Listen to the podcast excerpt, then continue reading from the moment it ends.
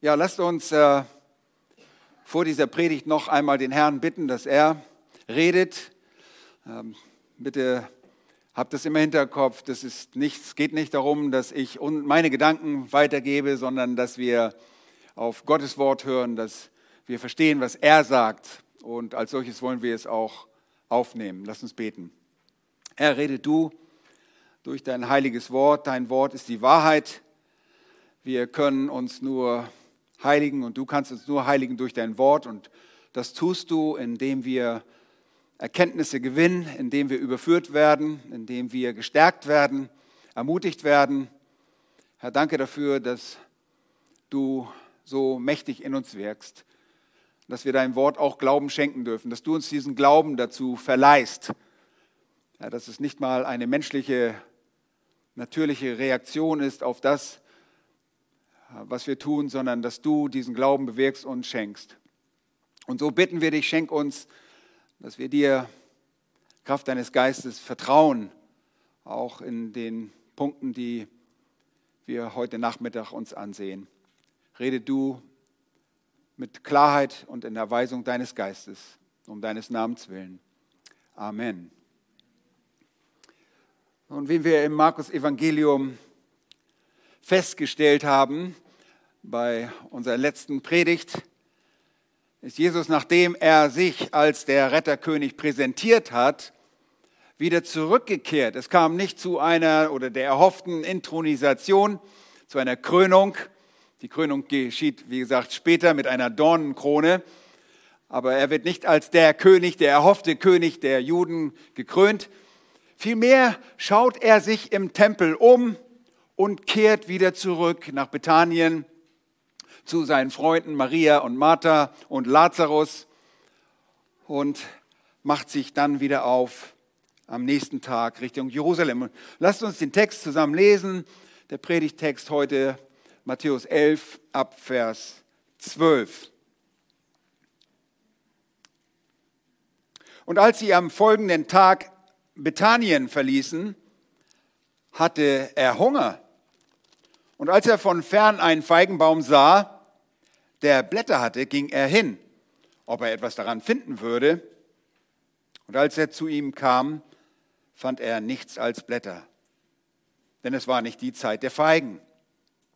Und Jesus begann und sprach zu ihm, es esse in Ewigkeit niemand mehr eine Frucht von dir. Und seine Jünger hörten es. Und sie kamen nach Jerusalem. Und Jesus ging in den Tempel und begann die hinauszutreiben, die im Tempel verkauften und kauften.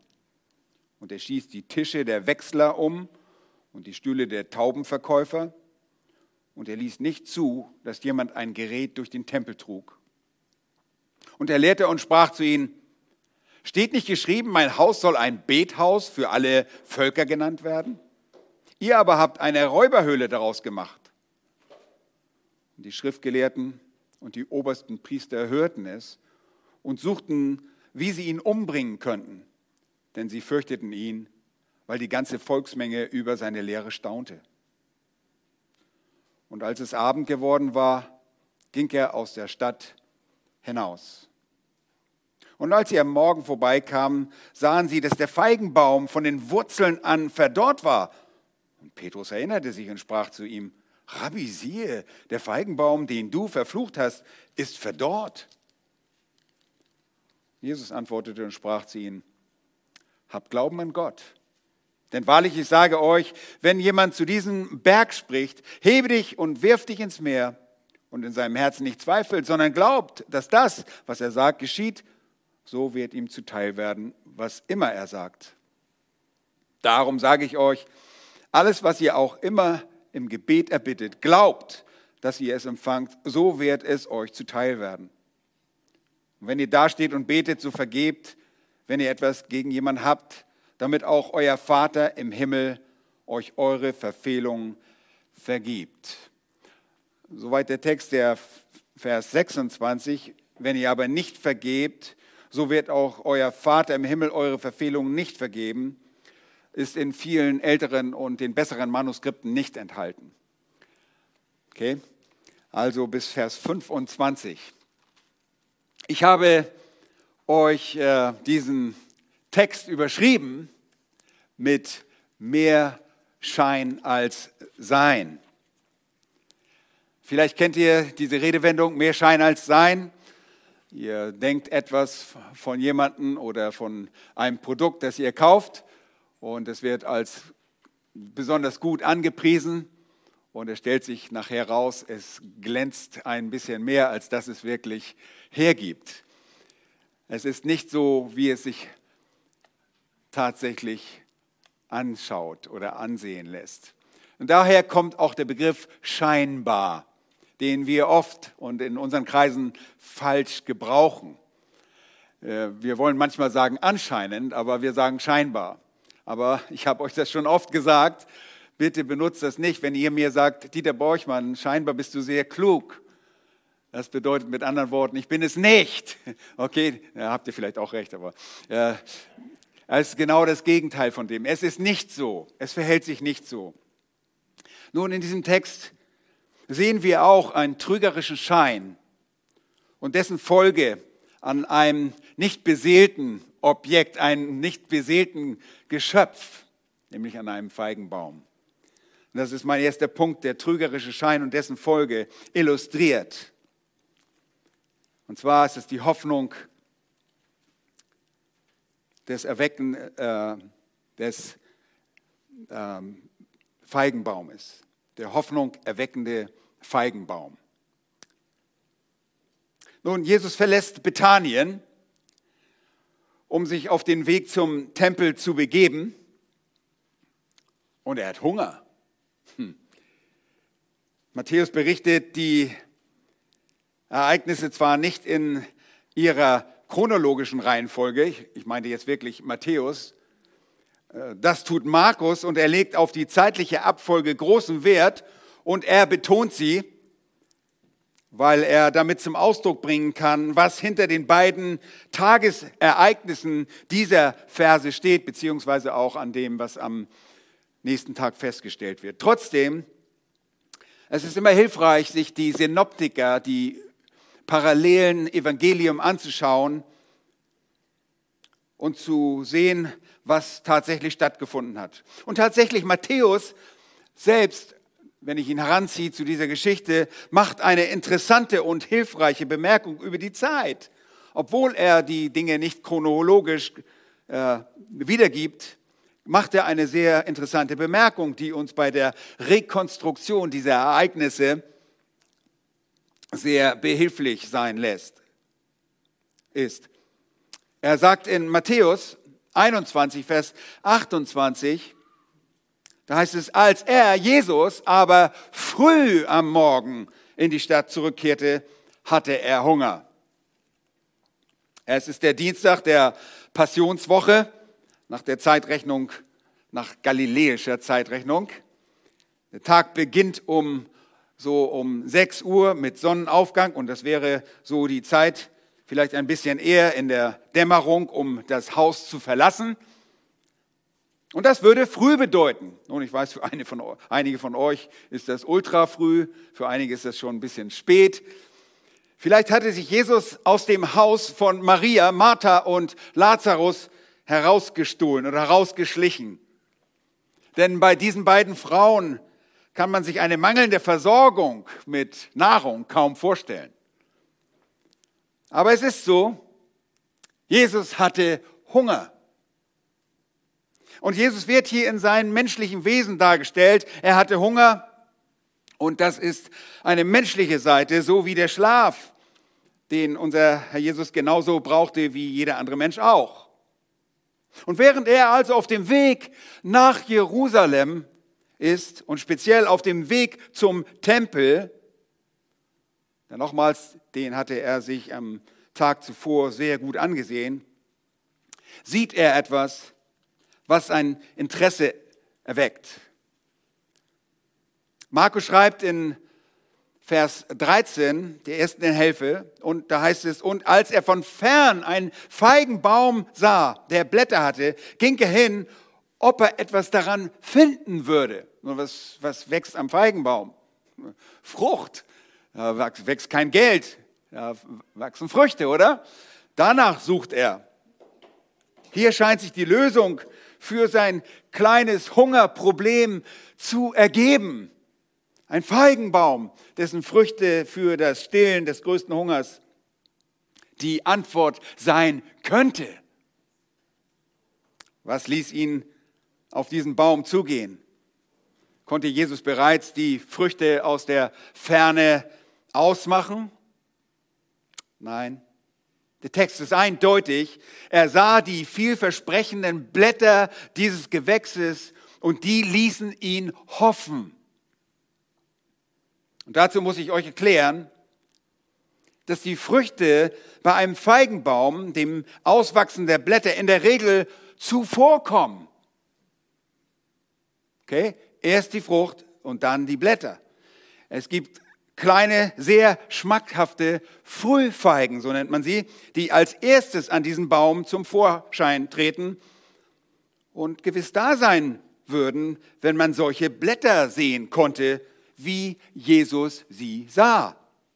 Und dieses Wissen Jesu weckte die Hoffnung, dort seinen Hunger stillen zu können. Und offensichtlich ist, dass uns die menschliche Seite nochmals gezeigt wird. Er verzichtet auf die Fähigkeit der Allwissenheit. Er hätte auch sagen können, ja, ich weiß schon, da ist gar nichts. Er benutzt hier nicht seine Allwissenheit. Was geschieht? Wir lesen weiter in Vers 13. Und als er zu ihm kam, fand er nichts als Blätter, denn es war nicht die Zeit der Feigen. Haha. Hier sind viele Ausleger und ich bin mir sicher, ihr auch. Ich war auch zunächst erstmal verwirrt. Denke, naja, wie willst du nach einer Feige suchen, wenn es nicht die Zeit der Feigen ist? Wir sind hier im Monat April, äh, März, April und die Feigenernte würde erst im Juni gewöhnlich stattfinden. War Jesus einfach nur ignorant und so ungebildet? Hätte er nicht wissen müssen, dass die Zeit der Feigenernte gewöhnlich erst im Juni des Jahres im Gange ist? Was soll das Ganze geschehen? Und warum wird das hier überhaupt eingefügt? Was ist das für eine Geschichte? Wie passt sie überhaupt da rein? Und ich möchte eines betonen, dass Jesus hier nicht töricht und unwissend handelt, sondern dass er auf das deutliche Zeichnen jenes Feigenbaumes dass der vorhandenen äh, Blätter reagiert. Er sieht die Blätter. Nochmals, er schöpft Hoffnung, denn wenn ein Feigenbaum bereits die Blätter aufweist, dann sind gewisslich auch die ersten Früchte zu haben, auch wenn die Erntezeit dafür nicht eingetreten war. Den Frühfeigen sollten dann in aller Regel ein voller Ertrag reifer Früchte folgen. Was auf diese Erkenntnis Jesu geschieht, ist scheinbar, scheinbar ein ausschließlich destruktives, eine destruktive Wunderhandlung an einem armen Feigenbaum. Was kann der denn dafür? Diese Art von Wunderhandlung erleben wir bei Jesus nicht häufig, dieses scheinbar destruktive. Es gibt wirklich nur dieses und die Tötung der Schweine, in die die bösen Geister, die Legion von Dämonen am See Genezareth gefahren waren und in demselben darauf auch ertranken. Und wir lesen in Vers 14 jetzt von dem Fluch Jesu über diesen Feigenbaum. Und das ist die Folge dieses scheinbar wunderbaren Baumes, der die Hoffnung erweckte, dass man davon satt werden könnte und ein paar Früchte essen könnte der verfluchte Feigenbaum. Vers 14. Und Jesus begann und sprach zu ihm, es esse in Ewigkeit niemand mehr eine Frucht von dir. Und seine Jünger hörten es. Nun eine erstaunliche Handlung, die wir nicht ohne Schriftzusammenhang wirklich nachvollziehen können und deren äh, Bedeutung ermessen können der nicht informierte, biblisch ungebildete Mensch könnte annehmen, dass Jesus einfach so sauer war, so enttäuscht war, dass er jetzt im Zorn über die erfahrene Enttäuschung einen Fluch über diesen armen Baum ausspricht. Ja, solche Flüche gibt es aus dem Zorn und aus Wut heraus, aber nicht bei dem Herrn. Ihr Lieben, Solch ein Handeln ist unserem Herrn natürlich völlig fern und wäre auch falsch. Aber er ist der Sohn Gottes und er handelt nicht falsch. Jesus hatte seine derartigen Emotionen unter Kontrolle. Und es ist auch nicht das erste Mal in seinem Leben, dass er Hunger erträgt. Wir erinnern uns nur an die Versuchung Jesu zu Beginn seines Dienstes, als er 40 Tage und 40 Nächte lang gefastet hatte und er zuletzt hungrig war und wie er dort schließlich der darauf folgenden Versuchung Satan, äh, das Satan kam und sagte, mach doch Brot, dass er dieser Versuchung erfolgreich widerstand. Er kannte Hunger. Nein, es ist nicht sein Temperament. Der Zorn über dieses Gewächs veranlasst ihn dazu, auf diese Weise zu reden. Es ist nicht das. Jesus erkennt die Situation viel mehr als vorteilhaft, als eine ausgezeichnete Gelegenheit, um einen lehrreichen Moment für die Jünger einzubauen. Und dazu müssen wir wissen, dass das Volk Israel oftmals auch als Jahwes Feigenbaum beschrieben wird im Alten Testament. Zum Beispiel in Joel 1, als der assyrische Einfall nach Israel beklagt wird. Dort heißt es ab Vers 5, Wacht auf, ihr Trunkenen, und weint und jammert, ihr Weintrinker alle, wegen des Mosts, weil er euch vom Mund weggenommen ist. Denn ein Volk hat mein Land überzogen.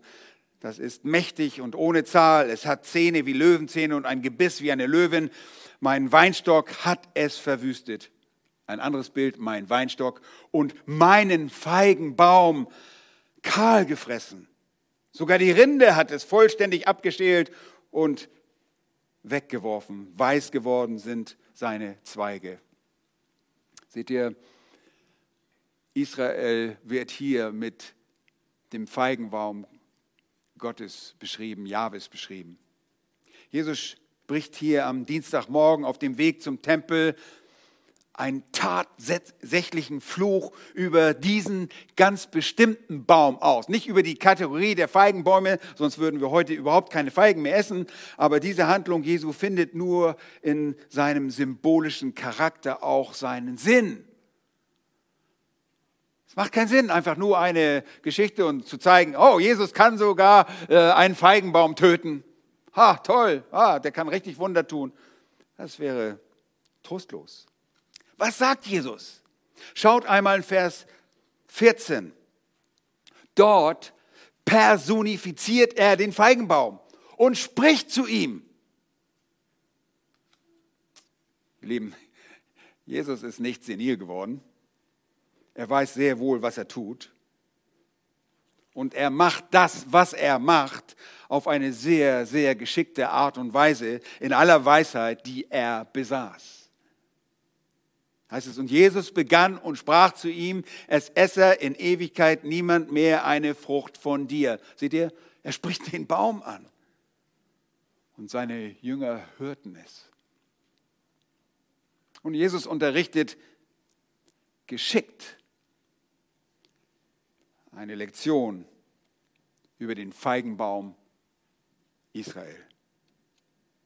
So wie der physische Feigenbaum am Rand des Weges, was erweckte? Den Schein gab und Schein erweckte, er sei fruchtbar und es dennoch nicht war, stattdessen verflucht wird, so auch Israel, das privilegierte Volk Jahwes das mit dessen Aussprüchen und dessen Gesetz auf einzigartige Art und Weise vertraut war, stellte eine fast glamouröse Religion zur Schau, die nichts als ein leeres Ritual war. Um das deutlich zu machen, bettet jetzt auch Johannes Markus unter der Leitung des Heiligen Geistes die Folgeereignisse im Tempel in die Geschichte mit dem Feigenbaum aus, ein. Seht ihr, die Geschichte geht noch weiter. Die Geschichte mit dem Feigenbaum nimmt am nächsten Tag sein, äh, seine Fortsetzung, sehen wir in 20, 21, äh, Verse 20 und 21. Und er schließt praktisch die Geschichte von der Tempelreinigung, die wir auch schon gelesen haben, in dieses Ereignis ein, mittendrin. Das ist eine geschickte Art und Weise, um den Zusammenhang dieser beiden Ereignisse zu verknüpfen, um diese beiden Dinge miteinander zu verknüpfen. Er stellt einen Zusammenhang zwischen den beiden Tagesereignissen her, denn noch ist nicht alles gesagt, was wir über die Begegnung Jesu mit diesem Feigenbaum in Erfahrung bringen müssen. Das von Markus eingesetzte Stilmittel macht deutlich, es besteht ein unmittelbarer Zusammenhang zwischen zwei unterschiedlichen Ereignissen. Was Jesus bei seiner Erfahrung mit dem Baum aufzeigt, ist, dass dessen Fruchtlosigkeit zum Verderben führt. Er verflucht ihn und er wird sterben. Dieser Baum, der solch einen wunderbaren Eindruck machte, dass er Früchte haben sollte, er Blätter aufwies, sie aber nicht besaß, wurde verflucht und verdorrte von der Wurzel an. Er besaß mehr Schein als Sein. Er war nicht das, was er durch die tragenden Blätter andeutete. Und die Jünger nehmen diese Worte Jesu wahr. Und damit endet gewissermaßen der erste Abschnitt. Und Jesus zieht mit den Seinen weiter nach Jerusalem, speziell in den Tempel. Und erst später erfahren wir in den Versen 20 und 21 den Ausgang der Feigenbaumgeschichte.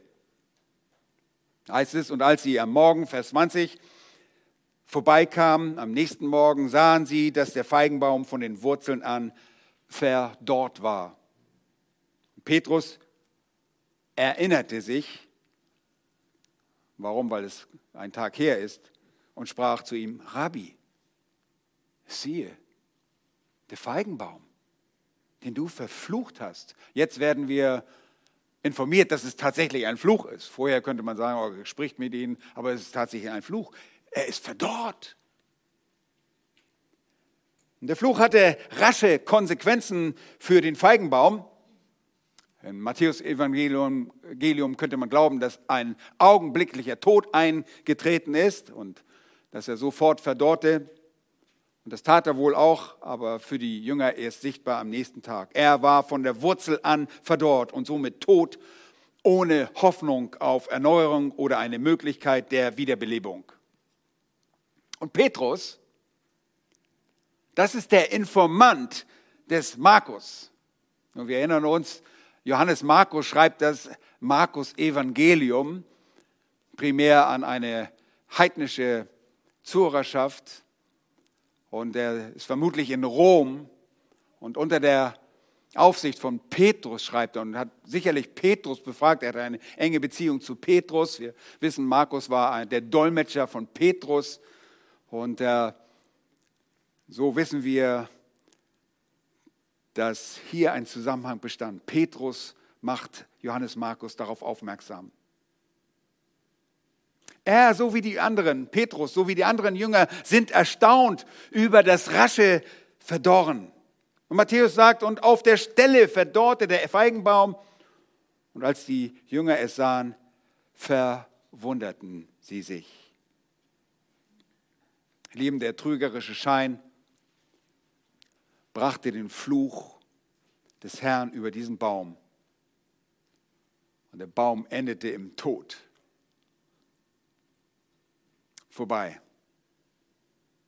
Nun, bitte schaut euch die Folgeverse an, die Parallelen der trügerischen Scheinheiligkeit der Juden.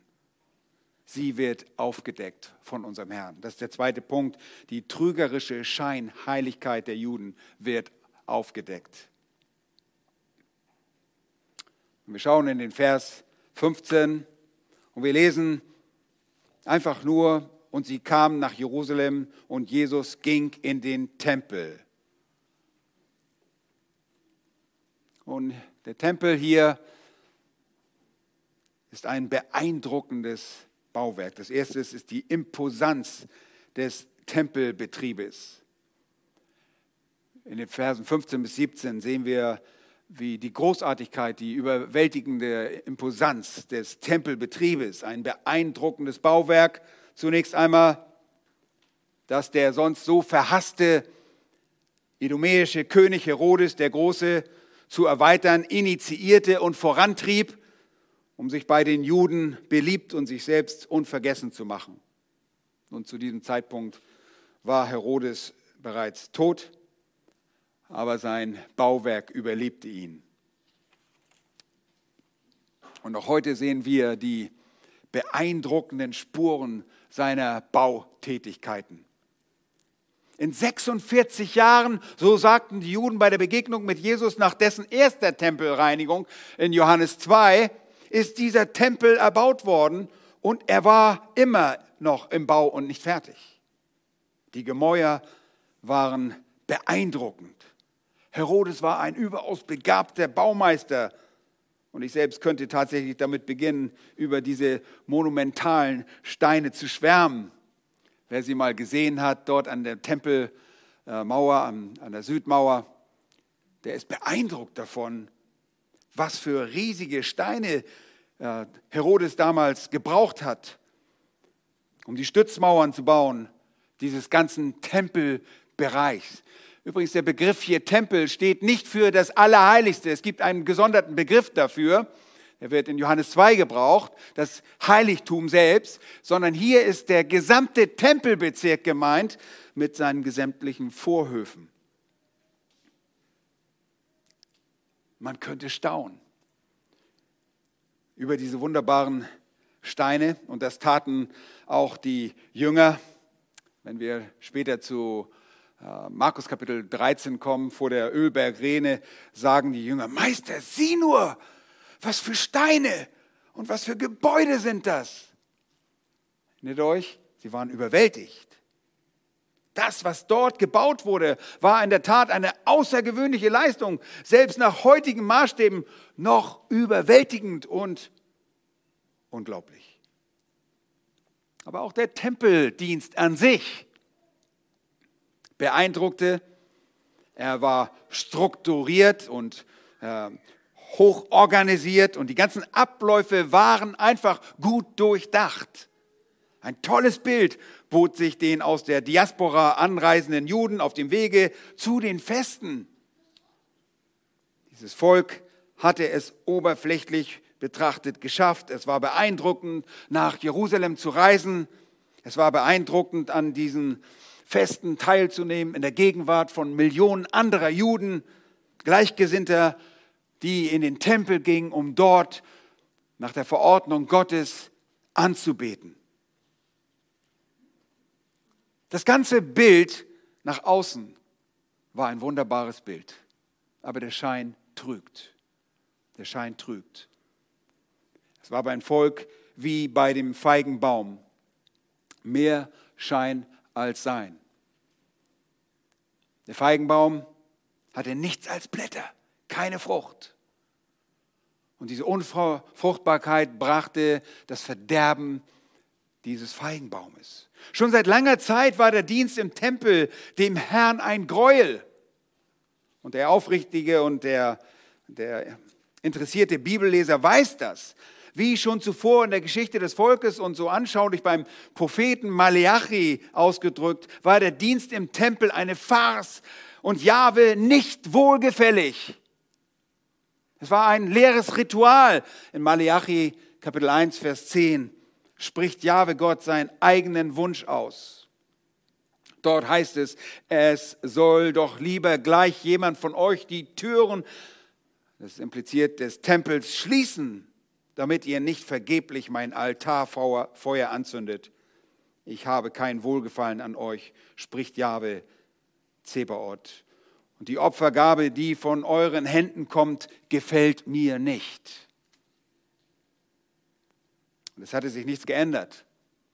Trotz der augenscheinlich beeindruckenden Bauweise des Tempels, der Struktur und der Abläufe im Tempel, war die Anbetung Gott nicht wohlgefällig. Die Herzen der Juden waren ihm nicht ergeben. Die Ereignisse im Tempel waren eine leere Religion und das war nur symptomatisch für den geistlichen Zustand des Volkes. Jesus hatte ihren Zustand, ihr erinnert euch sicherlich in Markus 7, mit dem Zustand in Jesajas Zeiten verglichen. Dort sagte er, trefflich hat Jesaja von euch Heuchlern geweissagt. Wie geschrieben steht, dieses Volk ehrt mich mit den Lippen, doch ihr Herz ist fern von mir. Vergeblich aber verehren sie mich, weil sie Lehren vortragen, die Menschengebote sind. Ihr Lieben, der geistliche Zustand dieses Volkes war erbärmlich. Aber lasst uns den Text befragen und sehen, was dort wirklich geschah. Wir sehen dort den Skandal unfruchtbarer Werke in den Versen 15 bis 17. Und auch diese Unfruchtbarkeit, dieser Skandal, den wir dort in den Versen 15 bis 17 sehen, ist nur beispielhaft. Ich lese die Verse nochmals. Und sie kam nach Jerusalem und ging in den Tempel und begann, die hinauszutreiben, die im Tempel verkauften und kauften. Und er stieß die Tische der Wechsler um und die Stühle der Taubenverkäufer. Und er ließ nicht zu, dass jemand ein Gerät durch den Tempel trug. Und er lehrte und sprach zu ihnen, steht nicht geschrieben, mein Haus soll ein Bethaus für alle Völker genannt werden? Ihr aber habt eine Räuberhöhle daraus gemacht. Nun, was war so verwerflich daran? Nun, Jesus richtet was dort im Tempel geschieht. Er richtet. Dort, wo es Anbetung geben sollte, gab es ein geschäftiges Treiben. Ein Kaufen und Verkaufen war im Gang. Nun, es wurden ja keine Lebensmittel verkauft, es wurde kein Alkohol ausgeschenkt. So schlimm war es doch wohl nicht, oder? Nun, doch. In seinem heiligen Eifer wie zuvor zu Beginn seines Dienstes greift Jesus richtend ein, um die unfruchtbaren Werke der Juden aufzudecken. Was ist daran so verkehrt? Nun, es wurden dort Opfertiere angeboten und es diente sogar der Bequemlichkeit der reisenden Pilger, die zu dem Fest aus der Ferne gekommen waren. Ist das nicht etwas Gutes? Ist das nicht rein pragmatisch, einfach positiv, dass man ja gar nicht so weit gehen musste und man konnte sich dort ein paar Opfertiere kaufen? Wir sehen von den Tauben, Tauben äh, oder äh, die Tauben wurden angeboten und hauptsächlich von den ärmeren äh, Leuten gekauft. Aber auch Rinder, Schafe, Lämmer, all das konnte man direkt im Tempel erwerben.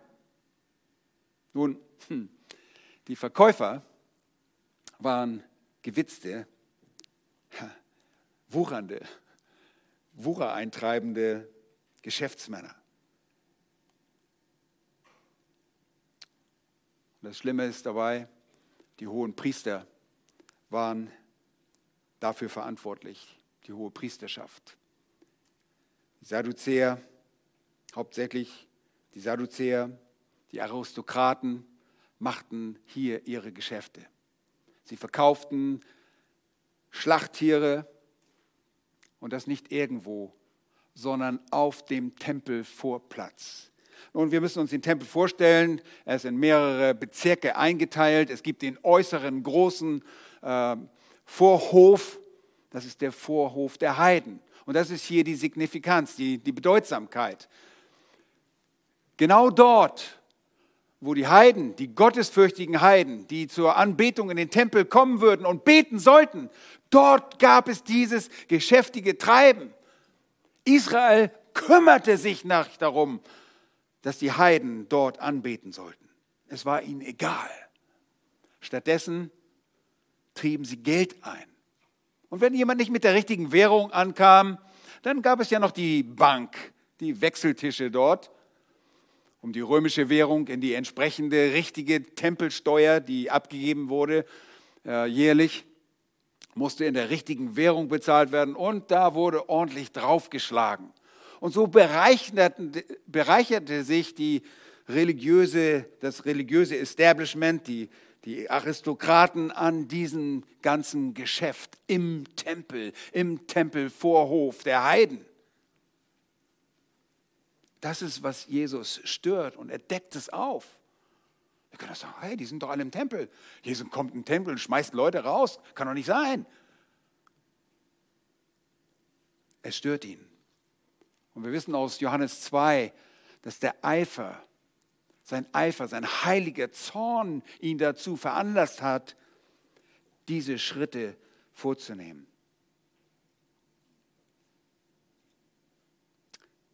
Nun, hier geht es nochmals von dem äußeren Tempel immer weiter zum Inneren. Dann kommt der Vorhof der Frauen, der Männer und dann äh, kommt das Allerheiligtum, das, das, äh, der tatsächliche Tempel, die Anbetungsstelle für äh, da, wo Opfer auch da gebracht wurden. Aber hier geht es um diesen großen Tempelbezirk. Und ihr Lieben, wir stellen uns nicht nur so einen kleinen Platz vor, wie unser Vorhof hier, unser Parkplatz, sondern hier geht es um einen riesigen Tempelbezirk. Wer selbst schon mal dort war, der weiß, wovon ich spreche. Hier da passen leicht mit Leichtigkeit ein paar Fußballfelder und, drauf. Und es ist ein riesiger Platz. Und an den Seiten die Säulen Salomos, wo auch gelehrt wurde. Aber könnt ihr euch vorstellen, zwischen all den Blöken und dem Gestank den es dort gab, aufgrund der Opfertiere, die eigentlich dafür gedacht waren, dass sie aus dem Norden, im nördlichen Ende des Tempelberges gab es die, die Festung der Antonia, wo die Römer stationiert waren, die alles überblickten. Aber Jesus kommt. Und er geht einfach hier hinein und hat absolute Autorität. Das ist das Dritte, die Autorität des Retterkönigs. Sein richtendes Handeln des Messias. Keiner greift ein. Er hat den gesamten Tempelberg unter Kontrolle. Er lässt es nicht zu, dass irgendjemand irgendein Gerät durch diesen Tempel trägt und somit zum Stolperstein für die Anbetenden werden sollte. Wir sehen hier die deutliche tadelnde Lehre des Messias. Er zeigt die Wahrheit an. In Jesaja 56, in Versen 6 und 7 lesen wir, und die Fremdlinge, die sich Jahwe anschließen, um ihm zu dienen und den Namen Jahwes zu lieben und um seine Knechte zu sein und alle, die darauf achten, den Sabbat nicht zu entheiligen und die an meinen Bund festhalten, die will ich zu meinem heiligen Berg führen. Was ist dieser heilige Berg? Das wisst ihr mittlerweile. Das ist Zion, Jerusalem. Ich will ihn dort nach Moria, da wo der Tempelberg steht, führen und sie mein, wie heißt es, in mein Bethaus erfreuen. Ihre Brandopfer und Schlachtopfer sollen wohlgefällig sein auf meinem Altar, denn mein Haus soll ein Bethaus für alle Völker genannt werden. Und genau darauf geht Jesus in Vers 17 ein. Er lehrte und sprach zu ihnen, steht nicht geschrieben, mein Haus soll ein Bethaus für alle Völker genannt werden? Hauptsache, wir können, wir haben es bequem. Wir müssen nicht weit laufen. Wir müssen nicht erst in den Norden, äh, den, an das nördliche Ende des Tempelberges laufen, wo es Stallungen gab und wo es Plätze gab für die Tiere. Nee, das mussten wir nicht. Wir machen das ganz praktisch. Wir holen das alles in den Tempel rein. Die Heiden, die sind uns ohnehin egal. Das Verhältnis zu den Heiden wird oftmals beschrieben und wir sehen selbst beim Propheten Jona, wie schwer es ihm fiel, selbst den Heiden zu vergeben und welche harten Gefühle er hatte. Jesus tadelt und errichtet. Und es soll ein Gericht werden, das riesige Ausmaße hat. Wenn wir weiter lesen, wird Jesus sagen, nicht ein Stein wird hier über dem anderen stehen bleiben. In 70 nach Christus wird Jerusalem zerstört, der Tempel bis auf die Grundmauern zerstört. Alles ist vorbei. Denn das jüdische Volk ändert sich nicht. Woran, wissen wir, woran sehen wir das? Sie töten ihren Retter. Jesus ist in der Passionswoche. Dies ist der zweite Tag der Passionswoche, der 15. Nisan, einstmalig Abib. Nach der babylonischen Fangenschaft heißt der Monat dann Nisan. Früher war es Abib. Ähm, Und so sehen wir, wie er aufreift und die Scheinheiligkeit der Juden aufdeckt. Und dann sehen wir die Reaktion furchtsamer Leiter in Vers 18. Schaut einmal, und die Schriftgelehrten und die obersten Priester hörten es und suchten, wie sie ihn umbringen könnten. Oh, die haben nicht gesagt, oh ja, du hast recht. Meine Güte, wir haben überhaupt nicht an diese Heiden gedacht. Wir sind ja so lieblos. Wir tun Buße. Vergib uns unsere große Schuld. Keineswegs. Keineswegs. Sie suchen ihn umzubringen. Die Kombination von Schriftgelehrten hier an dieser Stelle und obersten Priestern ist uns noch nie so vorgekommen, außer bei welcher Angelegenheit? Bei der Leidensankündigung Jesu. Bei der ersten und noch genauer bei der dritten Leidensankündigung in Markus Kapitel 10. Und dort heißt es, Jesus sagt dort, siehe, wir ziehen hinauf nach Jerusalem und der Sohn des Menschen wird den obersten Priestern und den Schriftgelehrten ausgeliefert werden. Und sie werden ihn zu Tode verurteilen und ihn den Heiden ausliefern. Genau das ist das, was sie tun werden. Wer macht das? Die obersten Priester und die Schriftgelehrten. Und dazu kommen noch die Ältesten. Aber diese beiden Gruppierungen haben wir so noch nicht gesehen, außer bei dieser Leidensankündigung. Und hier sind sie jetzt. Und sie sind es, die Jesus an Pilatus ausliefern werden. Vers 34, und sie werden ihn verspotten und geiseln und anspucken, ihn töten und so weiter. Es bahnt sich etwas an und das ist auch zu erwarten, denn der Retterkönig hat sich bereits präsentiert und wir haben ihn als den Antitypus des Passalammes identifiziert, des Lamm Gottes, als dass er sich am 10. Nisan gewissermaßen zum Opfer bereitstellte, bereitstellte um inspiziert zu werden.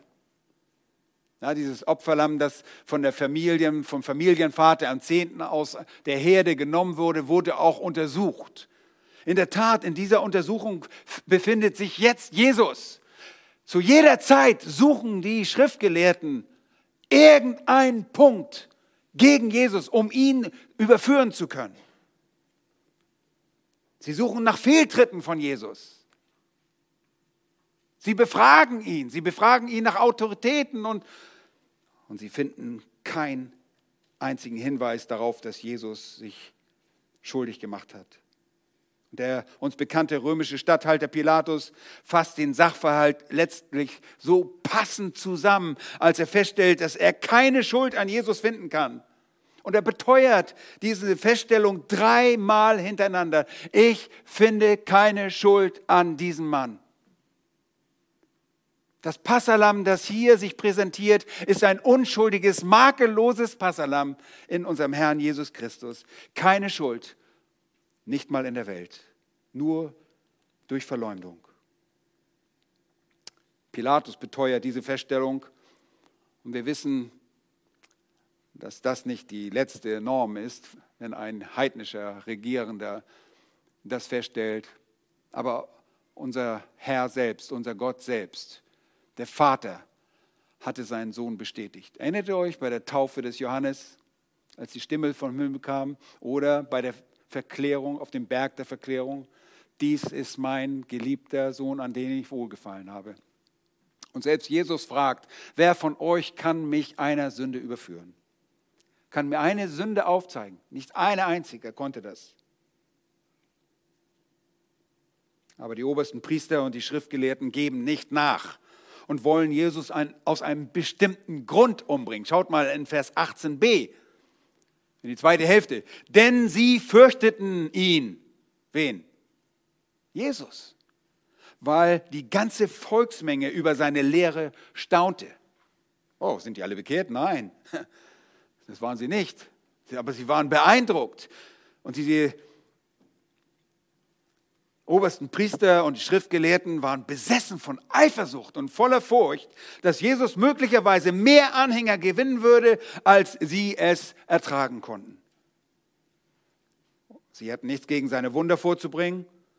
Die konnten nicht geleugnet werden. Erinnert ihr euch? Sie konnten äh, nicht leugnen, dass Lazarus aus dem Toten zurückkam und deshalb wollten sie auch äh, den Beweis der Aufstehungskraft des Messias ebenso töten wie den Messias selbst. Lukas sagt, doch sie fanden keinen Weg, wie sie es zu tun, wie sie es tun sollten, denn das ganze Volk hing an ihm und hörte ihm zu. Es bestand eine Faszination beim Volk, allerdings eine oberflächliche Faszination. Wir wissen, das Volk ist so labil, wie es nur irgendwie sein kann. Leider kein rettender Glaube, nur vereinzelt und kein tiefes Vertrauen. Und der Tag endet für Jesus und er geht aus der Stadt hinaus in Vers 19, um wieder bei seinen Freunden in Bethanien zu übernachten. Und an dieser Stelle, nach Vers 19, nach dieser Tempelreinigung und ich könnte das unendlich lang ausbauen, aber der Punkt ist dieser, Jesus bringt Gericht über diese scheinbare Schein, Scheinheiligkeit seines Volkes. Und dieses Gericht ist unausweichlich, denn sie werden ihn töten. Und an dieser Stelle in Vers 20 greift Markus Ereignisse bezüglich des Feigenbaumes wieder auf. Dann sagt er, und als sie am Morgen vorbeikamen, sahen sie, dass der Feigenbaum von den Wurzeln an verdorrt war. Und Petrus erinnerte sich und sprach, Rabbi, siehe der Feigenbaum, den du verflucht hast, ist verdorrt. Und wir werden sehen, dass Jesus genau auch das noch künftig ankündigen wird, was passieren wird, wenn kein Stein über dem anderen bleiben wird. All das sagt Jesus voraus. Mehr Schein als Sein. Der Feigenbaum und der Feigenbaum Israel. Mehr Schein als Sein. Nun, der Text zeigt uns allerdings äh, noch etwas auf, eine Reaktion auf das, was Petrus sagt. Und was erwartet ihr? Petrus kommt in Vers 21 und sagt, Rabbi, siehe, der Feigenbaum, den du verflucht hast, ist verdorrt. Und ich, als ich das gelesen habe, jetzt kommt die Erklärung von Jesus. Es kommt keine Erklärung. Er zeigt uns den fruchtbringenden Segen für wahrhaft Gläubige. Er zeigt das wahre Sein auf. Schaut mit mir in den Text, ab Vers 22. Er sagt und antwortete und sprach zu ihnen, habt Glauben an Gott. Habt Glauben an Gott. Was hat das mit einem verdorrten Feigenbaum an? Was hat das mit einem unfruchtbaren Israel zu tun? Nun, Israel war in Unglauben verharrt. Sie glaubten nicht. Paulus drückt es so wunderbar aus in Römer 11. Sie waren im Unglauben verhaftet. Sie waren alle in Unglauben eingeschlossen, damit er ihnen allen eines Tages auch Barmherzigkeit erweisen kann. Alle in Unglauben. Sie glaubten nicht. Sie glaubten nicht, dass der Messias gekommen war. Sie glaubten nicht. Und deshalb sagt er, glaubt an Gott. Habt Glauben an Gott, denn wahrlich, ich sage euch, wenn jemand zu diesem Berg spricht, hebe dich und wirf dich ins Meer und in seinem Herzen nicht zweifelt, sondern glaubt, dass das, was er sagt, geschieht, so wird ihm zuteil werden, was immer er sagt. Nun, fruchtbringender Segen bedeutet, das, was verheißen ist, wird ermöglicht durch den Glauben. Erleben des natürlich Unmöglichen. Nun, Jesus schlägt hier kein irrsinniges Wunder vor. Du sollst nicht losgehen und äh, in die Alpen gehen und mal eben einen, Bau, einen, einen, einen Berg versetzen. Du findest das Matterhorn nicht wieder, weil irgendjemand von euch unterwegs war und so großen Glauben hatte und das im Meer versenkt hat. Das ist nicht der Punkt. Das ist für, für törichten Leuten, die das glauben, die denken, ich kann alles sagen und ich kann alles nehmen. Ich muss es nur nennen und dann kann ich es nehmen. Ihr glaubt gar nicht, wie viele einfältige Menschen es gibt, die genau das glauben.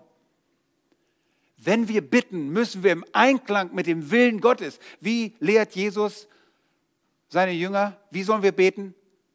Vater unser, der du bist im Himmel, geheiligt werde dein Name, dein Reich komme. Dein, wie war das? Dein Wille geschehe, wie was? Wie im Himmel, so auf Erden, haben wir vorhin gesungen, ne?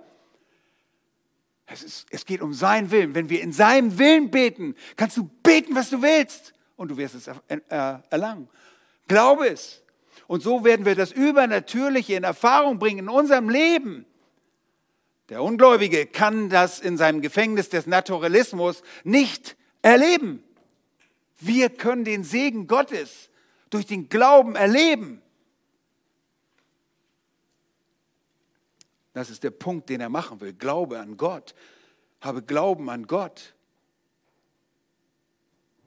Und weil alles, was ihr erbittet, glaubt, dass ihr es empfangt, so wird es euch zuteil. Und dann heißt, sagt es weiter zu einer Gebetserhörung des Glaubens. Und wenn ihr dasteht und betet, ähm, vielmehr 24, Vers 24, ich sage euch, alles, was ihr im Gebet erbittet, glaubt, dass ihr es empfangt, so wird es euch zuteil werden. Lieben, das ist die Wahrheit. Alles, was du im Glauben bittest und es im Einklang mit dem Willen Gottes steht, wirst du erfahren und erleben. Ja, aber woher weiß ich, was Gott will? Lies das Wort Gottes. Mach dich vertraut mit seinen Wegen. Dann wirst du der Bibel gerecht beten. Dann wirst du nicht dummes Zeug beten. Und wenn wir nicht beten, wissen, was wir beten sollen, dann vertritt uns wer? Der Geist Gottes mit unaussprechlichen Seufzern, mit Worten, mit Dingen, die nicht mit Worten ausgedrückt werden können. Ihr Leben, der Glaube ist der Schlüssel das ist der fruchtbringe Segen für wahrhaft Gläubige. Und die gab es, diesen Glauben gab es in, in Israel nicht, nur ganz vereinzelt. Nun, wer, es gab immer einen Überrest von wahrhaftig Gläubigen. Aber das ist der Schlüssel. Und das sagt er seinen Jüngern in diesem Zusammenhang. Als Antwort auf den verdorrten Feigenbaum, der Fluch gebracht hat. Hier ist der Segen für die wahrhaftig Gläubigen. Uns werden Dinge zuteil durch den Glauben an das Wort Gottes. Wir verteidigen uns. Wir haben gerade über die Waffenrüstung Gottes gesprochen. Wir verteidigen uns durch den Glauben.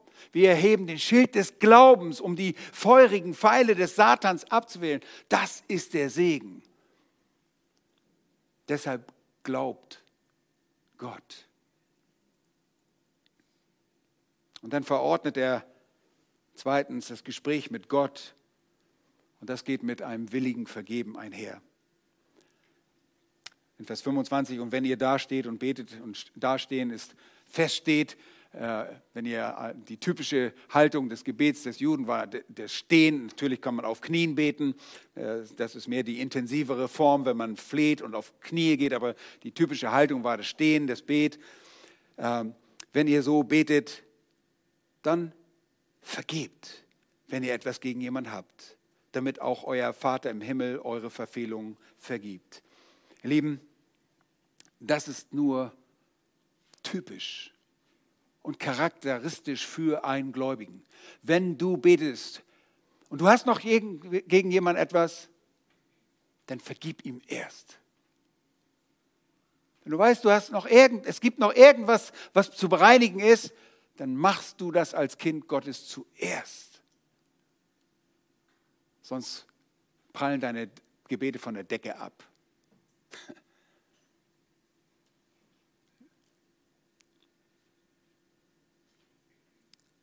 Ihr Lieben, das Gespräch mit Gott ist, wir haben es gesagt, das Atmen der Seele.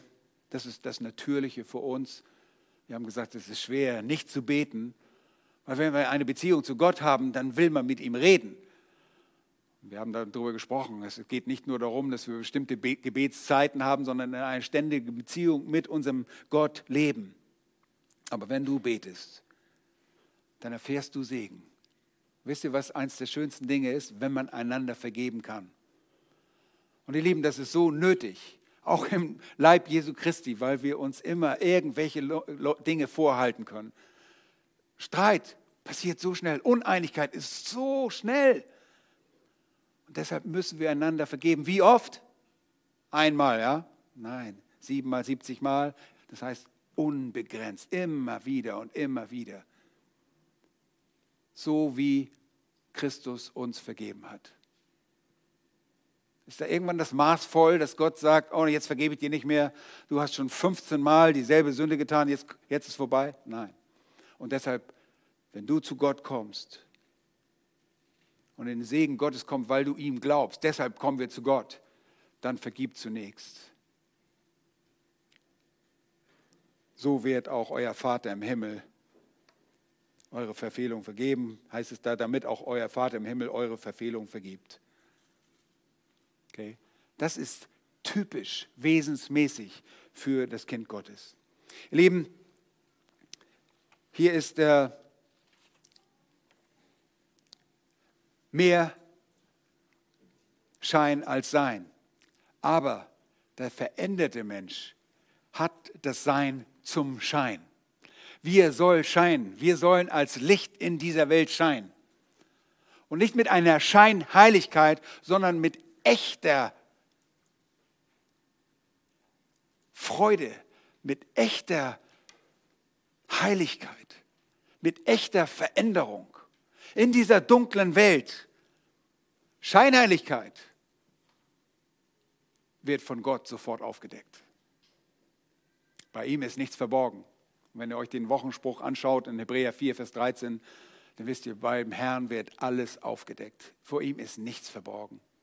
Wir können allen anderen Menschen irgendetwas vormachen, aber Gott können wir nie was vormachen. Ihr Lieben, ich hoffe, dein Leben ist gekennzeichnet von dem Sein. Und so sagt Jakobus, seid nicht nur Hörer des Wortes, sondern Täter. Und er betont das Sein. Sei einer. Wenn du ein Christ bist, bist du ein Täter. Ein Christ ohne Taten ist kein Christ.